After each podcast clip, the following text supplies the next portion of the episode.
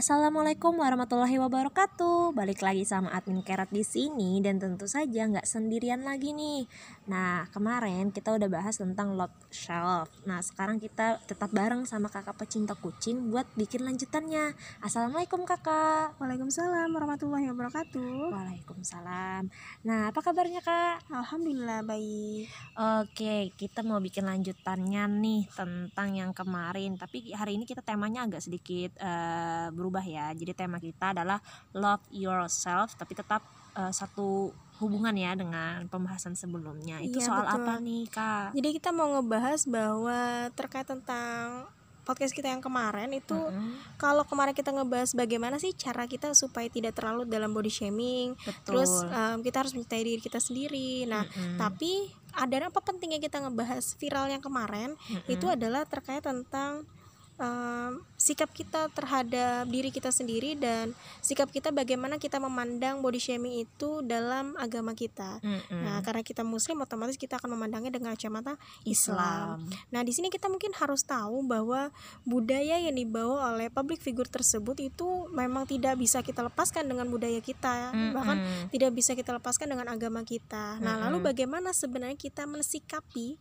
dan melakukan segala suatu masalah ini kita menggunakan kacamata Islam betul. dan bagaimana Islam itu memandang aktivitas dari mengunggah fotonya tadi. Dan kira-kira apa sih pandangan Islam terhadap perempuan sendiri? Karena kita udah paham ya bahwa body shaming banyak subjek-subjek yang dirugikan itu adalah perempuan itu sendiri. Mm-mm. dan kira-kira bagaimana Islam memandang? Nah mungkin kita akan ngebahas itu sih lebih dalam. Iya, kalau kemarin kita udah bahas kontennya bahwa apa yang dia sampaikan itu sebenarnya bagus, tapi bagaimana dari segi eh, hasil dari yang dia buat kayak gitu kan Iya, untuk betul, pandangan kita sebagai Islam. Oke. Nah, di sini mungkin kita akan cerita sedikit deh ya, mungkin buat sahabat podcast di luar sana yang mungkin agak sedikit lupa Mm-mm. tentang kodrat kita sebagai perempuan. Iya. Nah, mungkin bukan lupa jati diri bukan mungkin ya, tapi lebih kepada siapa Islam. perempuan? Eh, Betul, Islam itu kira-kira memandang perempuan itu seperti apa sih? Iya. Nah, padahal dulu kalau kita lihat dari sejarah kita yang dulu, Mm-mm. um, sebelum Islam datang, jadi kita tahu ya bahwa Islam itu lahirnya di mana sih? Di Iya, Arab ya saat iya, itu di- ya. Jadi Arab. bangsa Arab ketika belum Islam belum datang dan belum ada di sana, Mm-mm. perempuan itu dianggap sebagai subjek yang rendah. Iya. Ya enggak? Manusia yang paling rendah tuh ya perempuan. Bahkan eh, kelas rendah kayak gitu Betul, kan ya. ibarat kasta tuh ya kasta terendah lah. Mm-mm. Tapi padahal mereka lupa siapa sih yang lahirin mereka perempuan Iya. juga kan? mereka kan lahir dari rahim seorang perempuan. Tapi di sana menganggap bahwa perempuan itu rendah, hanya Iya. jadi budak, hanya jadi Mm-mm. pembantu bahasanya. Sehingga banyak har eh, banyak har banyak hal-hal yang menurut orang-orang di sana itu Mm-mm. harus dibuang. Maka Mm-mm. mungkin masih ingat ya bagaimana kalau kita melihat di sejarahnya ketika ada seorang suami yang dia meninggal suaminya maka walinya berhak terhadap istrinya. Jadi istri itu tidak berhak terhadap dirinya sendiri. Iya. bahkan eh, walinya tadi berhak menikahi istrinya tanpa mahar. Kebayang ada perempuan yang dinikahi tanpa mahar. Itu kan kayak hal yang gimana gitu kalau Iya. sekarang. Bahkan mungkin yang masih yang paling kita terngiangnya itu adalah bagaimana perempuan-perempuan itu dikubur hidup-hidup. Mm-mm. ya kan? Itu bayangkan itu kayak perempuan itu sebagai aib bahasanya Mm-mm. karena zaman dulu ya betul Kak, itu ya. di zaman zaman jahiliyah bahasanya kita Mm-mm. dikubur hidup-hidup tapi ketika Rasulullah datang dengan risalah Islam itu zoliman kezoliman kezoliman yang ada itu hilang seketika dan Mm-mm. mengembalikan hak-hak kita sebagai perempuan Mm-mm. dan tindakan-tindakan kita yang terzolimi yang diperas yang dikebiri hak hukum perempuan itu semua dihapus ketika Islam datang Iya. Dan Jadi Islam- memang Islam tuh datang secara mu- memuliakan perempuan. betul jadi Islam itu sudah memuliakan perempuan itu sendiri tanpa Mm-mm. harus diminta Iya. Jadi memang Islam itu juga memuliakan perempuan dan memandang tinggi perempuan tidak Mm-mm. sebagai subjek um, subjek pajangan semata. Iya.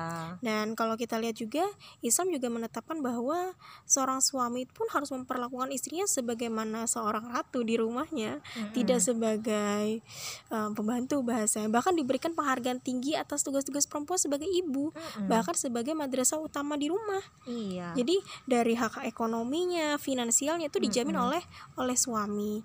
dan Mm-mm. Lalu um, apakah cuma sebatas itu enggak? Islam Mm-mm. juga memandang bahwa um, perempuan yang bekerja. Nah, ini Mm-mm. bagaimana nih kalau misalkan kita lihat kan kadang-kadang kan kita terngiang tuh kalimat-kalimat ah Islam masa perempuannya cuma di rumah, cuma Di jaga anak, cuma di apa dapur. Bahasanya tiga, apa sih? apa sih dapur sumur kasur kamar. ya. eh kasur Iya, bahasanya. Nah, padahal Islam nggak pernah tuh bilang kayak gitu. Iya. Bahkan ka- menurut kalau cuma di kasur berarti megeran dong Iya. kalau berbahan jadinya padahal enggak gitu. Islam Uh-uh. Islam sebenarnya sejatinya agama kita itu mengizinkan lagi kalau perempuan itu bekerja. Mm-mm. boleh ya Betul. hukumnya mubah aja Mubah aja, boleh. Bu- tapi bukan suatu kewajiban juga karena kewajiban mencari nafkah kan untuk laki-laki. Mm-mm. Nah, kalau perempuan sendiri diizinkan sebenarnya bekerja, tapi Mm-mm. Bukan dalam kondisi perbudakan. Mm-mm. Perbudakan di sini tidak maksudnya tidak dalam kondisi dia dihina ataupun ditindas. Mm-mm. Melainkan dalam kondisi yang aman, terjamin martabatnya juga terjaga, statusnya juga terjaga. Jadi sangat keliru, bahkan salah besar kalau misalnya ada yang Islam mengekang perempuan bekerja Betul, bahkan salah juga menganggap bahwa ajaran Islam itu ya cenderung menutup lah, maksudnya Iya. mengekang perempuan lah, enggak katanya lagi. banyak ya kak yang menganggap bahwa ketika oh aku ketika aku hijrah aku merasa kesulitan untuk mendapatkan pekerjaan Padahal katanya Itu mungkin perasaan dia, ya. Iya. perasaan pribadi sebenarnya. Padahal dari dari eh, maksudnya dari dari orang yang kemudian berhijrah atau dalam keadaan taat dia tetap Mm. bisa menjadi dokter, guru, Betul. kemudian tetap bisa bekerja intinya kayak gitu kan. Karena sejatinya Islam itu memul- memuliakan perempuan bahkan melindungi, Mm-mm. melindungi perempuan itu sendiri karena kita Mm-mm. paham bahwa syariat Islam itu menempatkan perempuan itu sebagai mitra kedudukan yang setara dengan laki-laki. Jadi Mm-mm. sebenarnya dalam Islam pun em, disetarakan kok sebenarnya laki-laki dan perempuan, tapi bukan dalam kodratnya ya. Maksudnya Iya, tetap yang misalnya laki-laki apa kerja kuli bangunan kah apa tuh Hmm. atau apa ya yang biasanya mereka ungkapkan tentang harus setara dengan laki-laki laki-laki bisa seperti ini kenapa perempuan enggak gitu nah Ya padahal mungkin maksudnya kalau di dalam Islam sendiri makna setara ini bukan setara dalam hal misalnya bisa jadi pemimpin betul. Nah itu Nah, agak keliru juga. Mungkin kita akan bisa meluruskan sedikit Mm-mm. bahwa kalau di dalam Al-Quran itu seruan untuk beriman dan melaksanakan hukum Allah itu diberikan hal yang sama. Jadi makna setara di sini adalah apa yang Allah berikan kepada laki-laki dan apa yang Allah berikan ke perempuan itu semua sama, Mm-mm. adil. Ni- nilainya gitu Nilainya kan ya. sama. Mm-mm. Sehingga tidak ada yang namanya warga kelas kedua atau Mm-mm. orang kedua itu nggak ada. Mm-mm. Jadi kalau misalkan yang boleh menindas misalkan ada bahasanya perempuan adalah warga kelas kedua yang boleh ditindas oleh kaum laki-laki nah itu udah salah besar Mm-mm. kan kadang-kadang ada tuh merasa bahwa kamu kan perempuan maka wajar laki-laki itu menindas perempuan nggak padahal dalam Islam nggak ada yang kayak gitu Mm-mm. jadi tidak ada yang menindas dan tidak ada yang tertindas bahasanya Mm-mm. dan bahkan Rasulullah bersabda sesungguhnya perempuan itu adalah saudaranya para laki-laki itu hadis riwayat Iya. Ahmad karena kan Allah ciptakan Adam dan Hawa itu berpasangan itu untuk saling Melengkapi. apa, melengkapi Ya. bisa sehidup sendiri Betul, dan lebih dari itu syariat Islam juga memberikan perlindungan yang menyeluruh terhadap perempuan. Jadi peluang-peluang terjadinya kejahatan kepada perempuan itu sangat minim sekali. Jadi Mm-mm. kita tidak akan menemukan kasus-kasus pelecehan, pemerkosaan, perzinahan atau yang merugikan perempuan itu karena udah dijaga oleh oleh agama kita. mungkin bahkan- lebih kepada tidak sebesar sekarang ya kak Betul. ya bahkan sangat-sangat minim dan jarang ditemui ketika memang Islam itu eh, apa dijadikan pedoman kayak Betul. gitu Bahkan menghalangi apa saja yang mendorong dan memicu. Mm-mm. Contoh kecil ya, misalkan nih ada kasus pelecehan. Pelecehan itu diawali mulanya apa sih? Awal ada apa? yang memancing ada yang memancing biasanya yang memancing siapa perempuan ya tanpa sadar ya kita bukan mem- mem- menjelekkan kaum kita sendiri nggak gitu ya Iya. tapi memang Tapi faktanya seperti biasanya itu ada sesuatu yang apa ada yang mudah terpancing dan kemudian ada yang memancing. Betul. Jadi Heeh. kalau misalkan dibilang ah, laki-laki aja otaknya mesum nggak bisa. Karena laki-laki kodratnya adalah memang- ya fitrahnya melihat yang indah bahasanya. Iya. Nggak bisa kita untuk menyuruh mereka untuk menutup mata dan menutup hati mereka nggak bisa juga. Hmm, nanti Se- normal dong. betul. Sepandai-pandainya laki-laki menjaga pandangan pun mereka tetap bis tetap punya tetap- hasrat. iya tetap punya hasrat. Ah, makanya harus di sini harus ada kontribusi dua belah pihak laki-lakinya Dan menjaga perempuannya. dan perempuannya juga menjaga sehingga Iya. ketika Islam itu sudah mengatakan hal yang seperti itu maka kalimat-kalimat atau kalimat hal-hal yang terjadi yang mendorong bahkan memicu itu bisa minim Mm-mm. jadi bahkan bahkan bisa tidak terjadi kesalahan-kesalahan yang pelecehan dan segala macam nah mungkin salah satunya dengan syariat menutup aurat yaitu Mm-mm. menggunakan hijab dengan sempurna. Jadi em, tidak akan mungkin lagi adanya porno aksi pornografi karena udah paham batasan tadi. Nah dan ini sudah jelas di dalam agama kita. Ibaratnya bahasa kita tuh udah dalam Al-Quran tuh udah jelas Allah Allah sampaikan lewat Al-Quran. Bahkan seluruh tubuh perempuan itu adalah aurat di hadapan laki-laki non mahram kecuali muka dan telapak tangan. Dan ini kita ambil contoh deh ketika Aisyah kita ketika Aisyah itu pernah ya mengatakan bahwa ada Asma. Asma binti Abu Bakar itu masuk ke ruangan wanita dengan berpakaian tipis maka Rasulullah pun berpaling.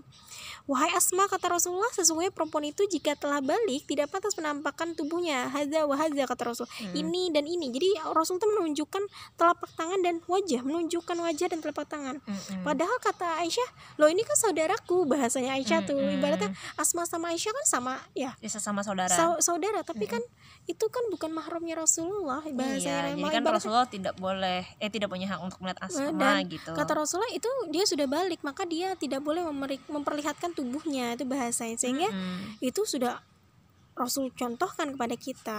Bahkan Allah menyampaikan dalam Quran surah Al-Ahzab ayat 49 dan Quran surah um, Al-Ahzab juga ayat 33 kalau dalam An-Nur 31 itu terkait tentang kerudung. Mm-mm. Al-Ahzab ayat 59 terkait tentang jilbab. Kalau Al-Ahzab ayat 33 tentang tabaruj yang berlebihan yang berhias secara berlebih-lebihan. Mm-mm. nah sehingga ini adalah syariat yang pasti mengandung maslahat bagi setiap orang. Mm. namun kadang-kadang ada muslimah yang ibaratnya kita sebagai muslimah itu em, tahu aturan Allah tapi, tapi menghindari betul menghindari kayak merasa kemudaratan. eh, merasa terkekang Iya, malah aku pakai kerudung gak bisa memperlihatkan kecantikanku, Iya, gitu-gitu bahasanya. Iya sih ya kayak kayaknya memang eh, perempuan itu diciptakan dengan perasaan yang ingin menampakkan itu gitu Betul. kan. Makanya kan karena Allah tahu gitu kan kalau kita menampakkan itu tuh pasti apa bisa menimbulkan sesuatu gitu Betul. kan. Dan kita akan kembali lagi ke permasalahan awal. Jadi kenapa sih harus ngebahas ini semua? Karena ini ada sangkut pautnya sama foto yang diunggah kemarin. Jadi kan kita tahu hukum foto adalah mubah. Mm-mm. Dan tapi ini ketika kita tahu hukum foto itu adalah mubah, maka kita lihat dulu subjek fotonya apa. Oh, ternyata subjek fotonya adalah mengunggah foto setengah telanjang, bahkan telanjang di akun sosial media. Ini kan termasuk aktivitas yang member aurat nih. Dan ini udah jelas dilarang oleh agama kita. Dalam syariat Islam itu kan udah disampaikan bahwa dalam ranah kehidupan sosial di mana di mana di mana pun itu kalau misalkan dia pornografi, bahkan dia bisa berpotensi untuk uh, menjadi hal yang merusak akhlak siapa pun, Mm-mm. maka itu sudah terkena hukuman hukuman tazir Mm-mm. yang dalam kacamata Islam itu ada merupakan hak dari pemimpinnya kita untuk mengatur kadar ringan atau beratnya hukumannya. yang apa jadi- yang sudah dia perbuat kayak Betul. gitu ya. Jadi kalau misalkan saya nih, saya nih kan udah foto nih, tujuan saya kan baik nih, niatnya baik. Jadi kita kalau mengambil sesuatu itu sudut pandangnya jangan baik enggaknya versinya kita. Mm-mm. Jadi kita akan melihat sesuatu itu menurut versinya Allah dan Rasul. Ini dalam Al-Quran hukumnya apa nih? Di dalam sunnah apa nih hukumnya nih? Kata Allah boleh apa enggak? Kata Rasul boleh apa enggak? Jadi kita kalau melakukan segala sesuatu tuh harus mengambil kacamatanya sesuai syariat karena kita adalah muslim. Jadi kalau ditanya bagaimana hukumnya mengunggah foto kemarin, kalau kita lihat dari ajaran kita dalam agama kita maka udah jelas.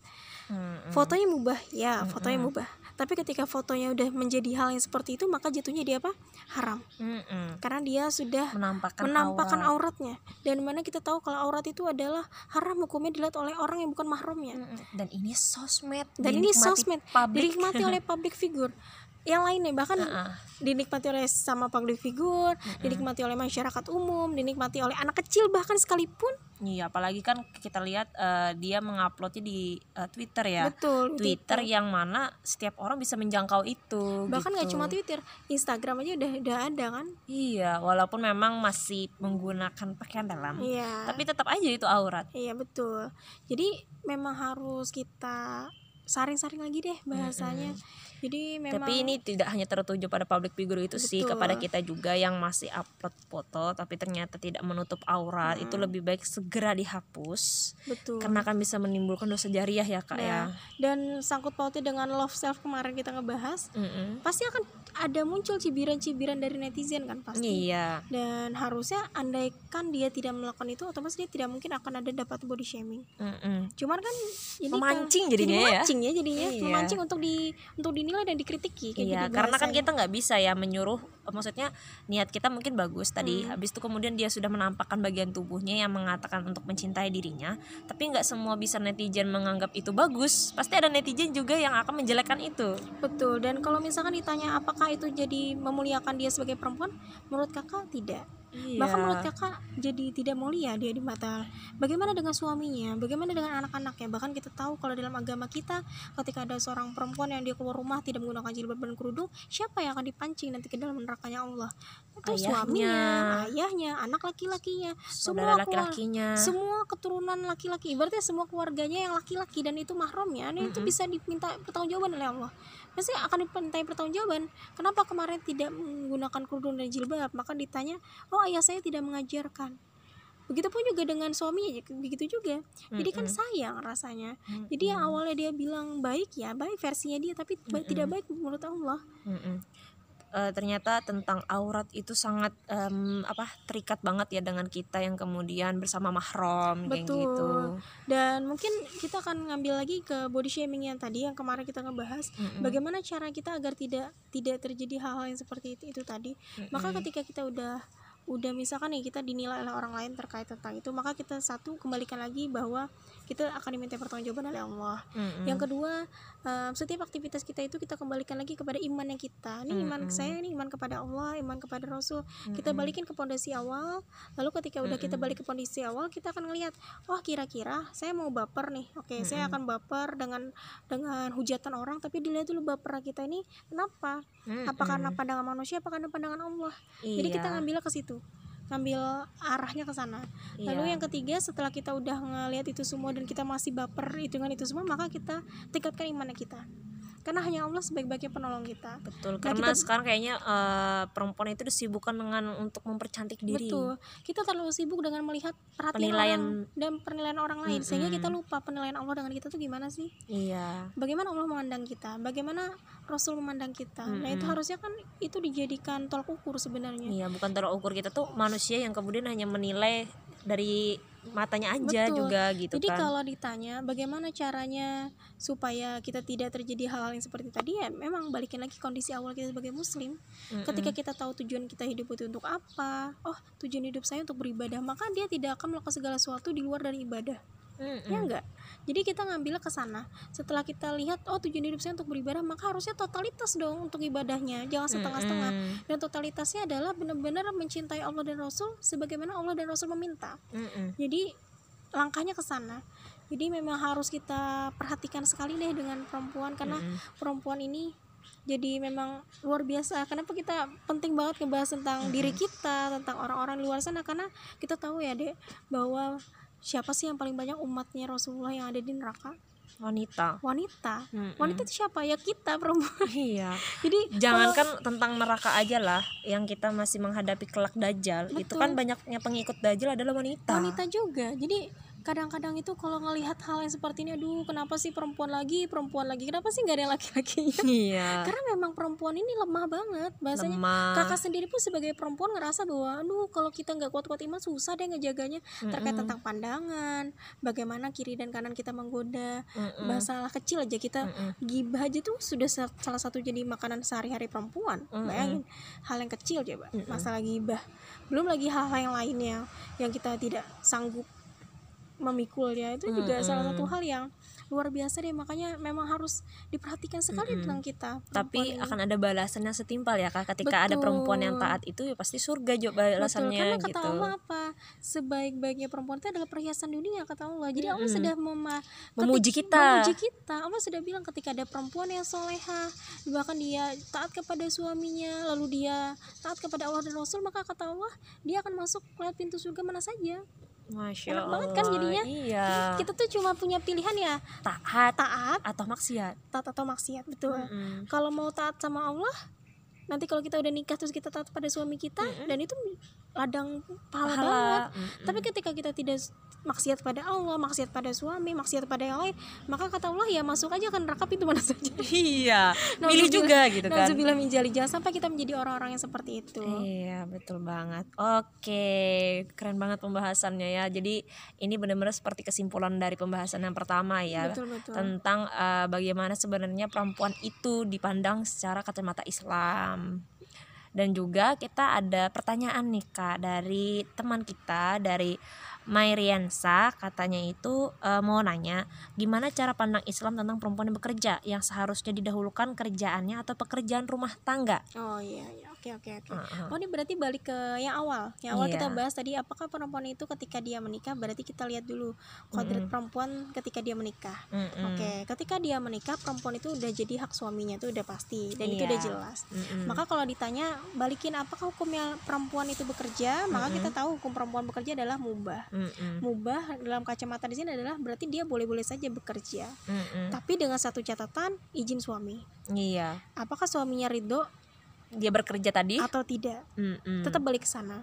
Ketika dia taat kepada suami kalau kata suami udah aku aja aku sanggup kok. Ya udah. Ya udah kita santuy aja santuy lagi aja. di rumah. Cuma kadang-kadang namanya manusia ya apalagi kita perempuan tuh kadang-kadang bakonya ketinggi yang ngerasa iya. aku kan udah sarjana S1 S2 S3 S4 iya. Kok aku cuma di rumah ngurus anak lah iya. padahal anak itu prioritas loh. Mm-mm. Anak itu menjadi amanah dari Allah. Amanah dari Allah yang mana harusnya dia berpikir gimana caranya anaknya itu bisa jadi anak yang soleh dan soleha karena ladang pahala dan surga itu ada di situ. Betul. Dan harusnya kita memprioritaskan anaknya kita. Iya. Ketimbang orang lain, ketimbang mm -hmm. ini enggak kadang-kadang itu yang menjadi kesalahan fatal kenapa jadinya ada banyak orang-orang mengatakan udah perempuan itu nggak boleh kerja. Kenapa? Karena ketika dia bekerja dia lupa tanggung jawabnya terhadap betul. Anaknya. Dia lupa sama kewajibannya sebagai seorang istri dan ibu. Betul, lupa karena ya kita tahu lah kalau ibu-ibu pekerja itu gimana sih pagi-pagi iya. dia harus uh, memberikan asupan gizi kepada suami dan anak ya kan masak iya. nyuci bersih bersih rumah nggak mungkin dong dia tinggalin mm tapi uh, dari yang kita lihat kondisi sekarang ya memang kalau wanita-wanita karir yang sudah bersuami dan memiliki anak akhirnya jatuhnya anaknya banyak yang ditelantarkan, dititipkan. dititipin. Mungkin bahasanya nggak ditelantarin deh, ditelantarin deh, tapi lebih kepada dia merasa bahwa saya titipin deh anaknya di playgroup hmm. misalkan di iya. playgroup yang atau mahal di tempat penitipan anak betul di tempat penitipan anak yang ibaratnya ya memang, memang punya terjamin kualitas. memang berkualitas memang uh -huh. ada hafalannya misalkan hmm. misalkan ada tempat yang luar biasa dengan gocek juga yang luar biasa mahal misalkan hmm. tapi itu nggak sebanding dengan apa yang diberikan Kehadiran ibunya seorang ibu. Seorang ibunya. Mm-hmm. walaupun Karena kan perempuan madrasah ula. Iya beda ya dengan perempuan yang dia ilmunya kurang misalkan. Mm-hmm. dia dia merasa bahwa ilmu saya kurang maka saya titipkan. Kan beda beda kasus ceritanya. Mm-hmm. ini si ibunya dia bekerja. Maka kasusnya maka di sini juga kita lihat um, ibunya bekerja ini apakah kewajiban karena suaminya tidak bekerja ataukah seperti apa mm-hmm. jadi mungkin akan ditarik dulu kalau misalnya bekerja dia bekerjanya karena apa mm-hmm. jadi ditanya dulu kepada pribadi kalau hanya karena merasa ingin ah kayaknya apa uang suami kurang yeah. kayak gitu kerja kerja maka dia, dia ingin membantu maka kasusnya dia bekerja itu bukan untuk kewajiban tapi untuk membantu suami maka jatuhnya mm -mm. sedekah mm -mm. jadi dia sedekah sebenarnya kepada keluarganya mm -mm. ada juga yang memang kondisi suaminya nggak kerja jadi akhirnya dia kerja Betul. atau dia atau suaminya sakit atau dia single parents ya, atau single parent maka kewajiban bekerja jadi jatuhnya kepada dia sebenarnya nggak juga ya iya karena tetap hukumnya tidak berubah betul hukumnya tidak berubah mau kamu single parent mau kamu uh, cerai mati misalkan ya. atau kamu ditinggal suami mau atau seperti apa tetap, tetap hukum itu jatuhnya mubah tidak mm -hmm. ada perubahan hukum mm -hmm. karena kita tahu perempuan itu adalah salah satu hal yang udah Allah berikan hukumnya itu yeah. pekerjaan dalam perempuan itu kewajiban yang pertama adalah keluarga. Mm -mm. Kewajiban pertama adalah mendidik anaknya mm -mm. itu adalah hal yang paling utama. Iya.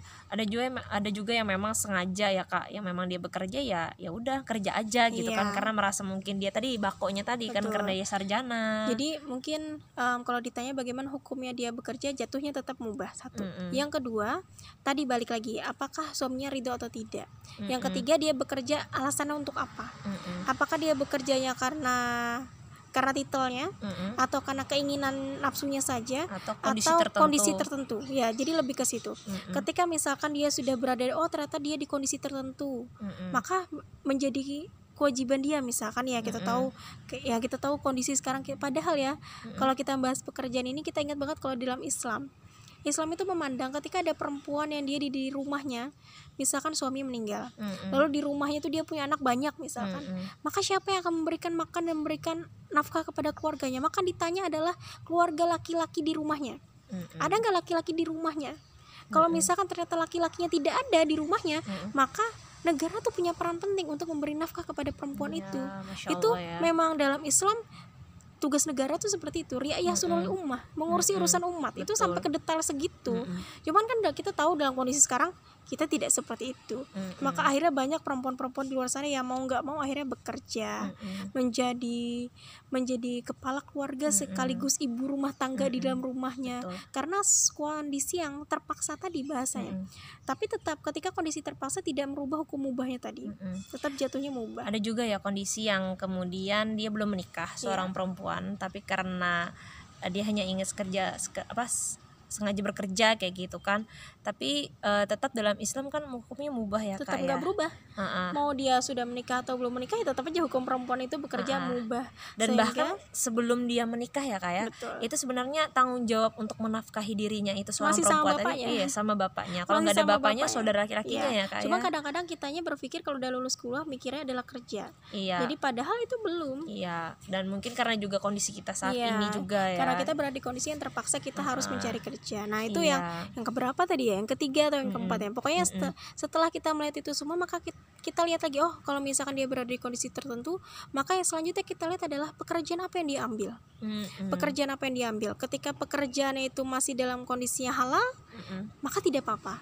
Kondisinya selama kita bisa tetap taat syariat Betul. gitu kan. Jadi dia kondisi bekerja di tempatnya halal yang pertama. Yang kedua dia masih menggunakan pakaian muslimah Mm-mm. pakaian muslimah ini dia masih menggunakan aturan muslimah yang itu itu menggunakan jilbab dan kerudung Mm-mm. secara lengkap tanpa melepas Mm-mm. nah maka tidak apa-apa Mm-mm. karena kebanyakan kan kita tahu perempuan-perempuan sekarang itu sebenarnya jadi komersil Mm-mm. jadi dijual sebenarnya kita tuh bahasanya tuh kayak ya perempuannya kayak bahasa dijual bukan bahasa yang perempuan yang dijual diri bukan itu tapi lebih kepada perempuan itu diobral jadi objek jadi objek jualan Mm-mm. jual rokok yang dipajang perempuan jual Iya. mobil yang dipajang perempuan Mm-mm. jual Iklan. iklan yang jual perempuan beli ma- beli baju sepatu apa apa semua perempuan yang dijual jadi sebenarnya perempuan itu jadi bahan objek komersil sebenarnya Mm-mm. padahal perempuan itu tidak seperti itu. Kan sebegitu murahnya kita dipandang oleh orang-orang di luar sana. Mm. nah itu mungkin lebih ke situ pekerjaannya. Mm-mm. lalu kalau pertanyaan tadi apakah yang harus diutamakan pekerjaan atau rumah tangga?